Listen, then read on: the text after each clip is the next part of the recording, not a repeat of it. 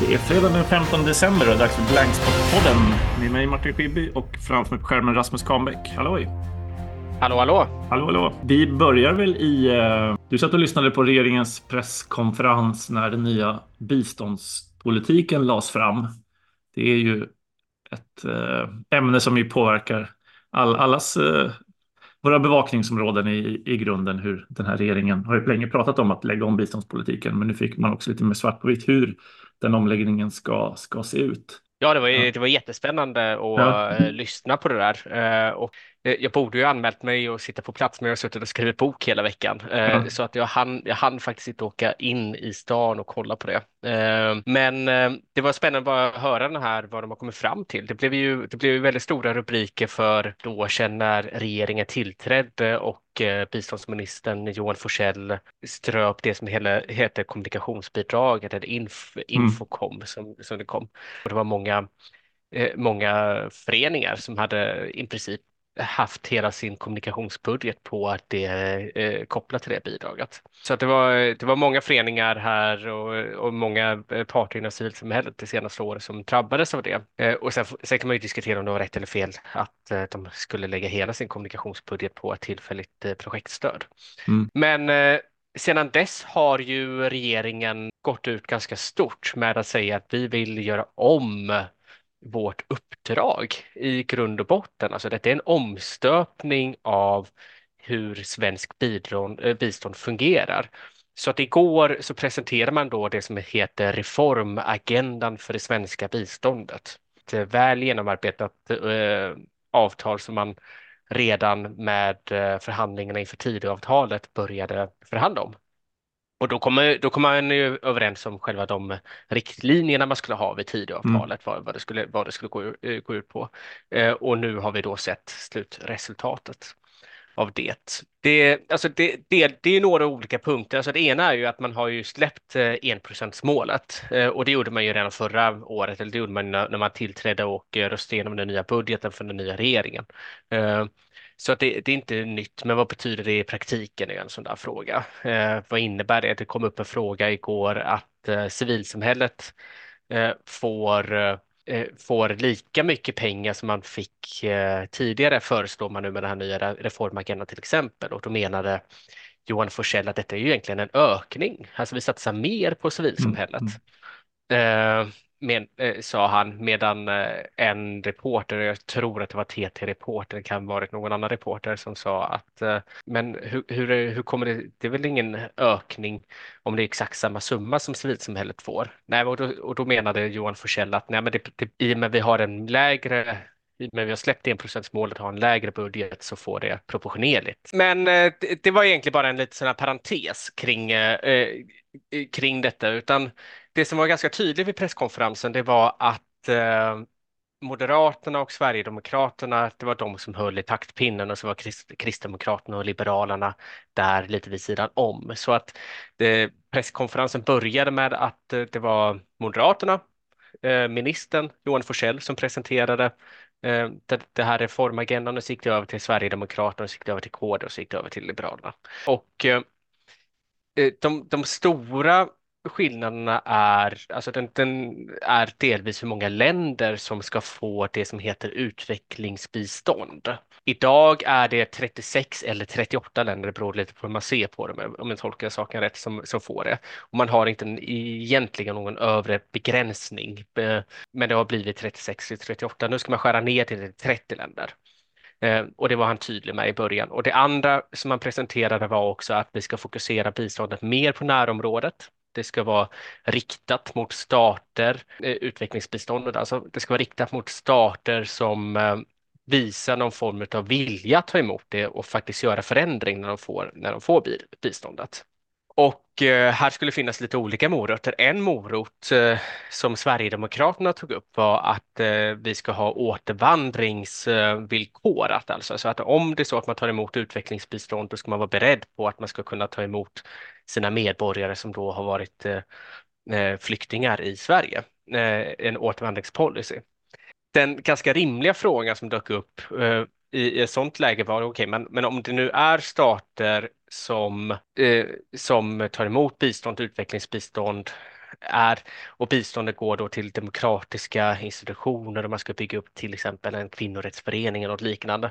Vilke, vilken eh, eh, de, här, de här staterna, om de, om de eh, inte tar emot sina gamla medborgare, ska man, ska man då dra tillbaka den här typen av stöd som de ändå inte är intresserade av? Så att det, det var lite otydligt hur, vilken effekt det här återvandringsförslaget kommer få. Och det är en sån kritik som man också har sett från parter inom samhället, inom, inom biståndssamhället. Eh, så att eh, det, det som blir slående kring en sån återvandringsklausul är att det förmodligen snarare är att det är en piska genom handel som kan vara pådrivande och inte en morot genom bistånd kring det. Eh, men, men också att det är när man kollar på de här länderna, vilka länder kan det röra sig om som vi har eh, utvecklingssamarbete med idag? Alltså då, då, då har vi ett, ett, ganska litet utvecklingssamarbete med Somalia, men vi har lite större med Irak till exempel. Och det, och det är väl sådana länder man kan tänka sig att, eh, att den här återvandringspunkten kan falla in. Men å andra sidan, återigen, hur stora kvantiteter rör det sig om? Det, spekulerar man inte i. Så att eh, förmodligen är det mer en semantisk fråga för Sverigedemokraterna att faktiskt ha fått igenom hela den här återvandringsfrågan.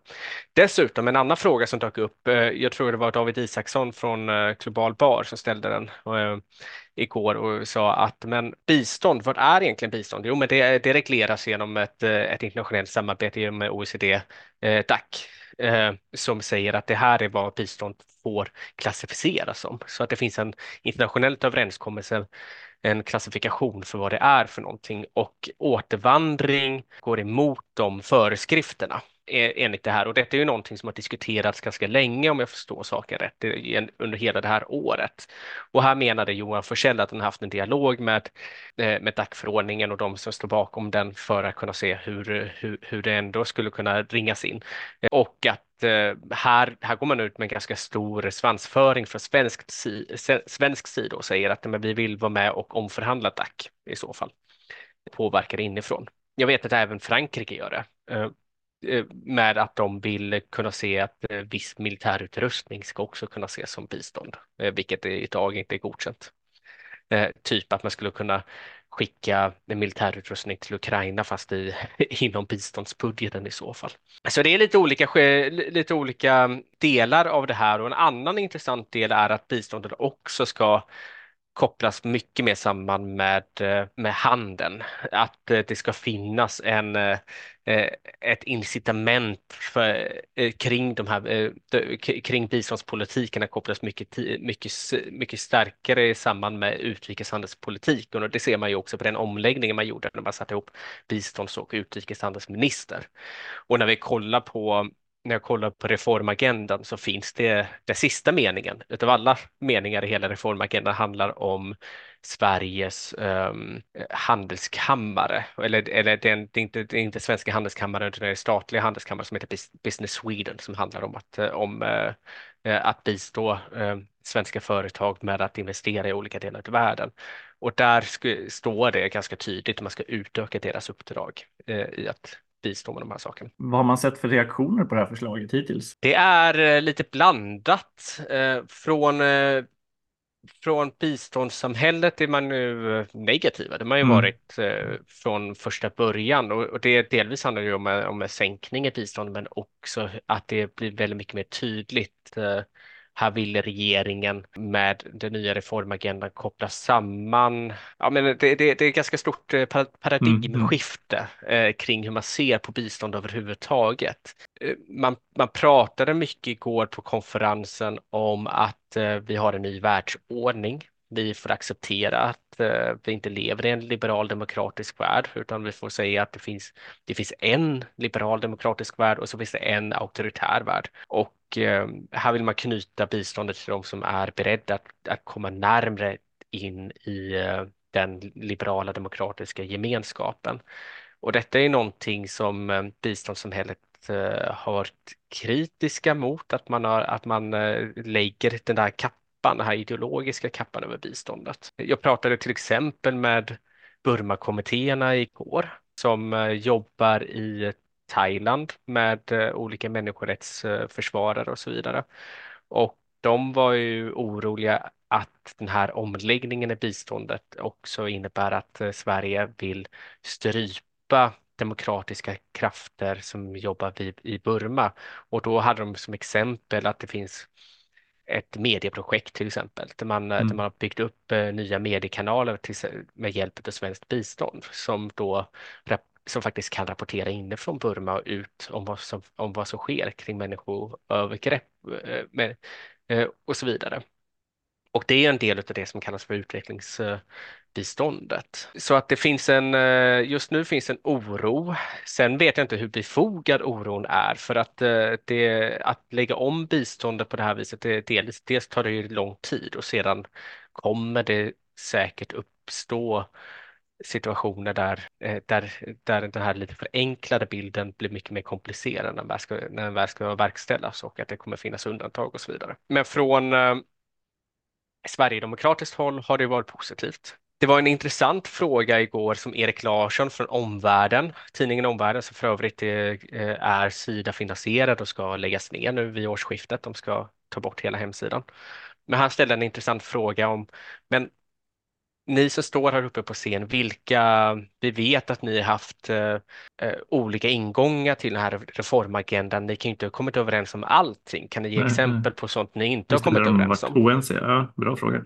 Eh, och det tyckte, det var ju en väldigt rimlig fråga. Eh, mm. Sverige, eh, och här, här var det också tydligt att då tog Johan Forsell eh, mm. Ordet och så gick han över till Sverige till, till Sverigedemokraterna och så blev det Kristdemokraterna och så blev det Liberalerna återigen. Och medan de tre första partierna sa att nej, vi har inte varit så oense i princip, utan vi har fått igenom de sakerna vi vill få igenom och vi ser att detta är, handlar om att stärka demokratin i mm, världen och så mm. vidare. Eh, så tog Liberalerna orda och han, jo, Joar Forsell som han heter, utrikespolitiska talespersonen, han, han sa att eh, de var nöjda med att de hade fått igenom sina punkter, men att eh, reformagendan hade sett annorlunda ut om det vore så att de hade haft majoritet, mm. hade kunnat mm. styra den och haft större stöd. Eh, och han sa också att de eh, i grund och botten tycker inte att biståndspolitiken har varit dålig tidigare. Eh, och detta var nog en, eh, en liten hint om att om att det nu pres presenterades som om, som om man vill lägga om, att man, man förkastade det gamla och vill ha det nya på något vis. Ja, intressant. Så vi har haft uppe det i podden en gång innan, men den här, man påminner sig om Trumps omläggning för USAID 2016, när de fick mm. ett liknande stålbad. Att plötsligt titta på Afrika med nya glasögon och prioritera handel för, för bistånd.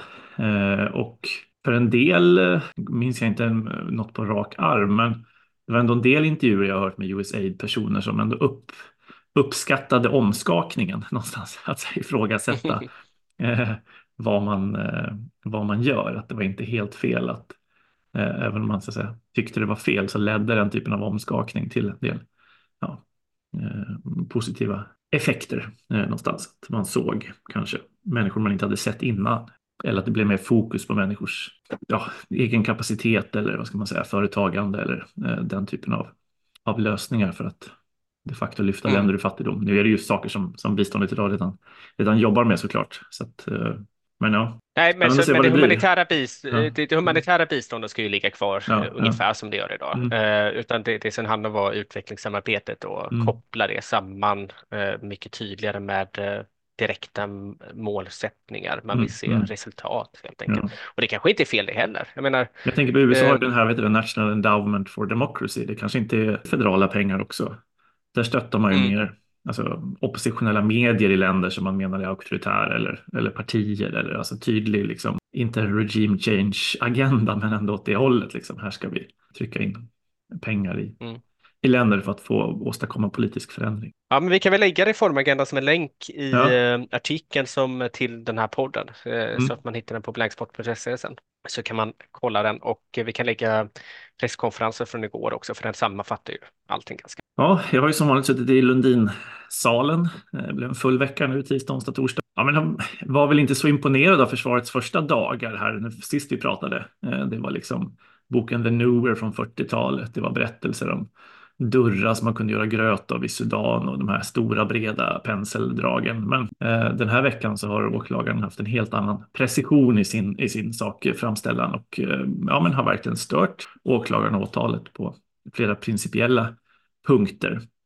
En sån stor diskussion i veckan det var ju att eh, man argumenterar för försvaret att SPLA då, alltså den här rebellrörelsen som slåss för Sydsudans självständighet, de finns inte överhuvudtaget i blocket menar försvaret. Och därmed är inte det här en eh, liksom, internationell eh, liksom, väpnad eh, konflikt och därmed gäller inte liksom, folkrättens, folkrättskraven för väpnad konflikt inte uppfyllda. Och då är blocket där... där Lundin, ja precis, där Lundin är aktiva i 5A. Där ja, finns inte SPLA. Precis. Eh, men då menar försvar, eller åklagaren då att det spelar ingen roll för att SSUS, SSUM och SSIM finns här eh, och eh, två milisgrupper. och genom att de så att säga finns där och verkar i den här generella miljön så, så spelar det ingen roll om, om SPLA, SPLA finns här eller inte.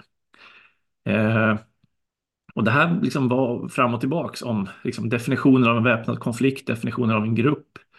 Eh, Eh, och där finns ju krav. De ska stå under samlat befäl, de ska ha en talesperson som kan föra fredsförhandlingar.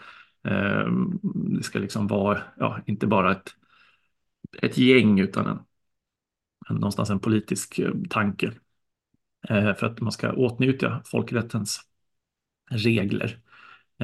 Så att, ja, men otroligt liksom battle, folkrättsjuridiskt battle mellan åklagarna och försvaret i veckan.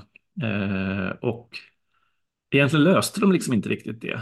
Um, försvaret menar att i gärningsbeskrivningen så um, ja, att den, den liksom faller, den faller eftersom SPLA inte finns här och, och åklagaren menar att det gör den inte alls det. Det här är bara, bara kärnan i War by Proxy, sönder och härska, att här finns liksom andra grupper som är regimunderstödda. Mm. Uh, och ja, eh, det löstes inte. Åklagaren ska återkomma till vad det är de vill få prövat egentligen i, hos, eh, hos tingsrätten. Och man är ju inte överens eh, om det här. Och det är väl också intressant om åklagaren går med på försvarets påstående att SPLA aldrig fanns i block 5A.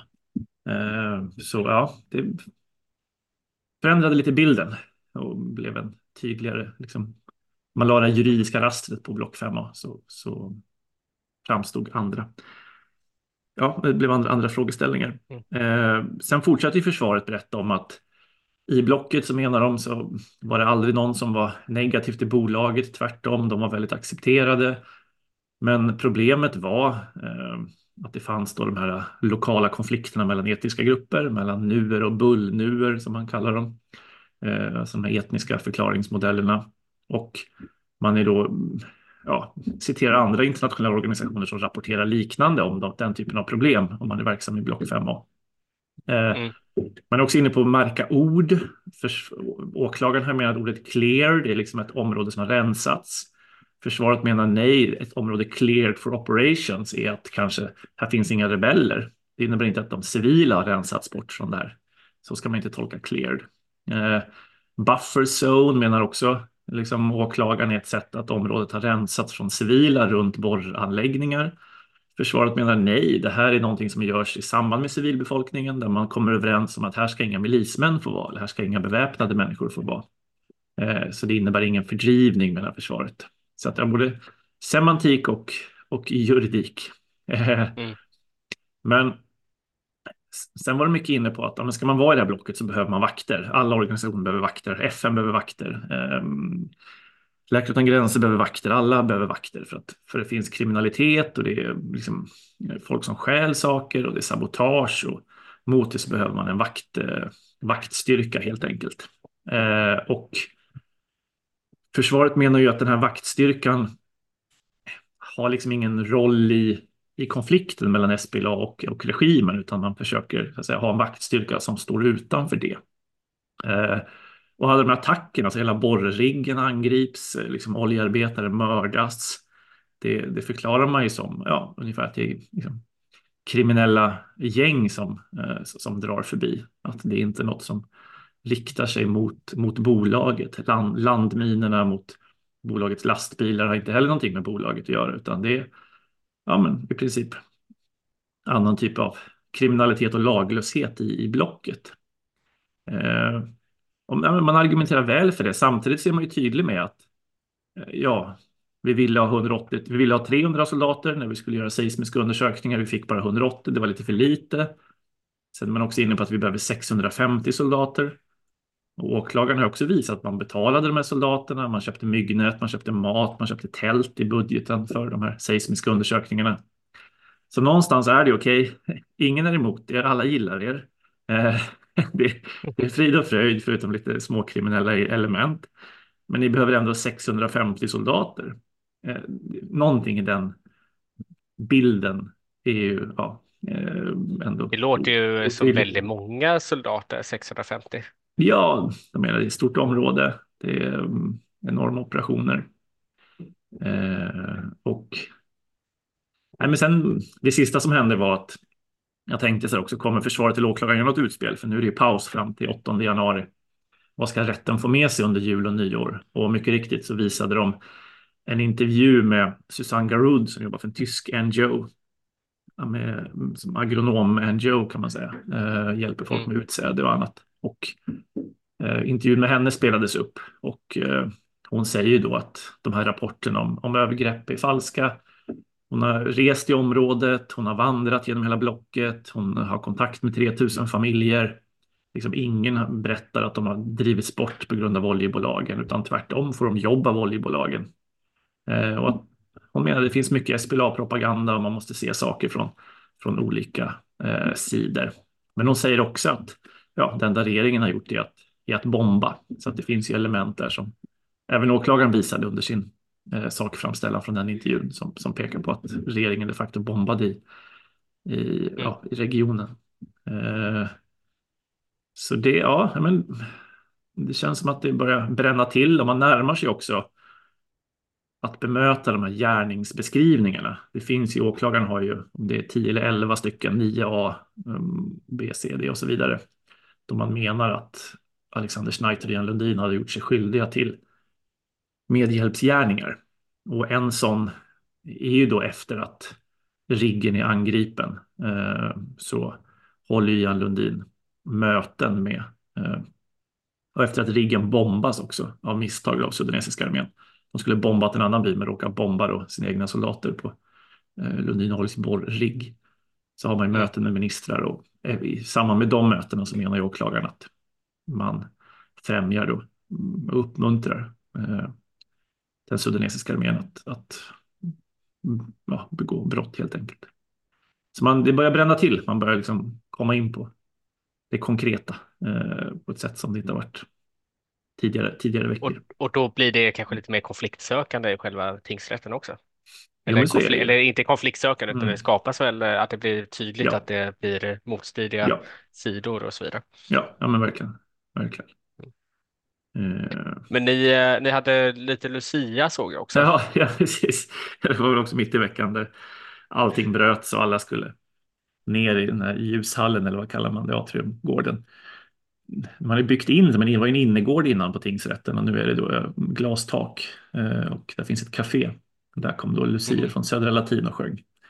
Och då stod ju både de grovt folkrättsbrott, för grovt folkrättsbrott åtalade och advokaterna och målsägandebiträdena, åklagarna och rätten och alla och tittade på Lucia-tåget tillsammans. Det är ändå en väldigt svensk någonstans och unikt säkert för den här rättegången. Det är ju många mm ska man säga, det är många varje morgon som lämnar in skyddsvästar i receptionen, alltså som har en tydlig hotbild mot sig och som är vittnen eller mm. målsägande i olika gängrättegångar. Eh, det är lite intressant att se den här kön in, en del tar av sig skyddsvästarna och andra skannar sina datorer. Men jag, jag, tror det var få andra rättegångar där man liksom samlas alla. Men nu går vi och ser Lucia tillsammans. Eh, men ja, i den här gjordes, gjordes det. Ja, det, det, det, det är nog väldigt svenskt. Man ska ändå det, hålla på. Det kanske är bra också. Ja, ett, om ett år ska man ju stå där igen och det har ju varit Ja, men det har ju varit väldigt bråkigt, osedvanligt bråkigt säger ju även juristen att det brukar inte vara så här dålig stämning i rättssalen. Men det har ju varit mm. väldigt dålig stämning mellan försvaret och åklagarna. Så det, ja, men det var lite bättre nu efter gemensamma glögg och lussefirandet. Man ska ju hålla på ett år, ja, men om ett år kommer man stå där och fira Lucia igen och det är fortfarande ingen, inget klart i skuldfrågan. Så det, det kan väl vara bra att skapa en bra arbetsmiljö för alla. Mm. Alla sidor. Ja. Jag har sett att de firar Lucia runt omkring eh, på olika ambassader i världen och ja. eh, UD bjöd in alla, alla utrikesministrar, eller, eller inte mm, mm. ambassadörer och så vidare. Ja, eh, jag, jag, antar att eh, Iran och Ryssland inte fick komma, men Azerbajdzjan fick komma. Mm. Eh, och, och så vidare. Mm. Eh, så det, väl, det, det, finns väl någonting att det finns väl något bra med Lucia på det viset. Ja, verkligen. Eh, nej, så det, det är spännande och det är kul också. Det rasslar till i WhatsApp-gruppen. Jag tror det är över 250 personer som är med där nu. Eh, mm. Jag har fått en del frågor om den, att de som är nya som kommer in, det är många som kommer in och som lämnar direkt. Att det är tomt där, de ser ju ingenting. Och det går tydligen inte att ändra det. Då skulle man haft en telegramgrupp istället om man skulle se allting. Just men, men jag förtydligar Det är ingen som har telegram. Nej, precis. Det är, ja, dina kompisar har telegram. Just. Ja, ja precis. ja, ja. Där. Uh, ja. ja, nej men, uh, nej men det är kul och, uh, och någonstans. Jag började också nu spela in på ett annat sätt i tingsrätten. Jag kopplade liksom zoomen direkt i datorn så jag direkt fick in det. Och det gjorde att när det hände någonting intressant så kunde jag bara klippa ut det ljudet och sen lägga ut det ljudet direkt. Jag slapp sitta och fippla med minneskort efteråt. Och det gjorde ju att rapporteringen blev lite, ja men eh, lite mer direkt liksom, från de här avsnitten i, eh, i tingsrätten. Eh, så det, ja, det, ska jag, det ska jag fortsätta med. Apropå poddtankar mm. så har jag, ett dokument, men det är åtta Jag försöker timmar. läsa det mesta och lyssna och ja. sådär, så det är jättespännande. Ja.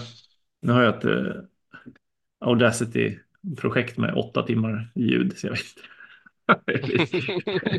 det blir, går att knöka fram någon podd i det. Men, men eh, vi, får, ja. vi får se. Ja, Ja, men ja och sen bara lite... Glöggpåminnelse tänkte jag. Ja. ja, ja precis. Eh, vi har glögg, eh, glögg på tisdag. Eh, Anmäl er, mejla britt, snabbelabblankspot.se. Ja. Och jag, jag släppte en specialpodd i veckan ja. om ISDP. Precis, oj, vi har glömt hela din stora granskning. Den, eh... nej, men den... Ja, vi, vi sa innan eh, ja. samtalet att jag bara skulle nämna den i förbifarten ja. i alla fall, så att eh, det, det, gör inte Nej. så mycket. Men, Nej. men ni, eh, ni som följer den här podden har ju sett att eh, det har kommit ut en specialpodd, så att mm. lyssna på den och jag tänkte att det var, det var sätt för mig att försöka förmedla den här, eh, de här jättestora granskningarna som är väldigt, mm. väldigt detaljerade på mm. ett lite mer lättförståeligt sätt. Mm.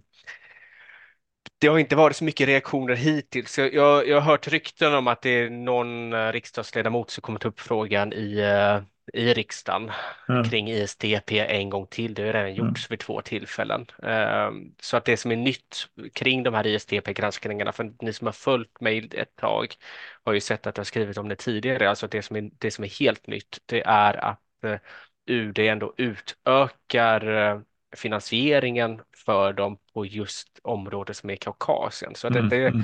det, är första gången på flera år så som jag tolkar det, eh, som mm. att de faktiskt spetsar ISDPs kunskap på just det ämnet där de kanske inte har stora intressekonflikter. Um, så att eh, det är ju eh, kärnan i det hela. Mm. Ehm, och då har jag försökt att härleda Eh, härleda hur ISTP kan ha påverkat eh, UD sin syn på Azerbajdzjan nu under hösten efter den här etniska, eller de facto etniska rensningen som skedde utan Nagorno-Karabach. Mm. Eh, så att det är en detaljerad och lång granskning, jag har förståelse för det, men lyssna på podden och läs igenom den för att sätta det, för att förstå hur allt det här hänger ihop. Mm. Bra och trevlig helg. Ja. Så småningom säger vi. Då ses vi på tisdag på Klubbminglet. Det gör vi. Hej.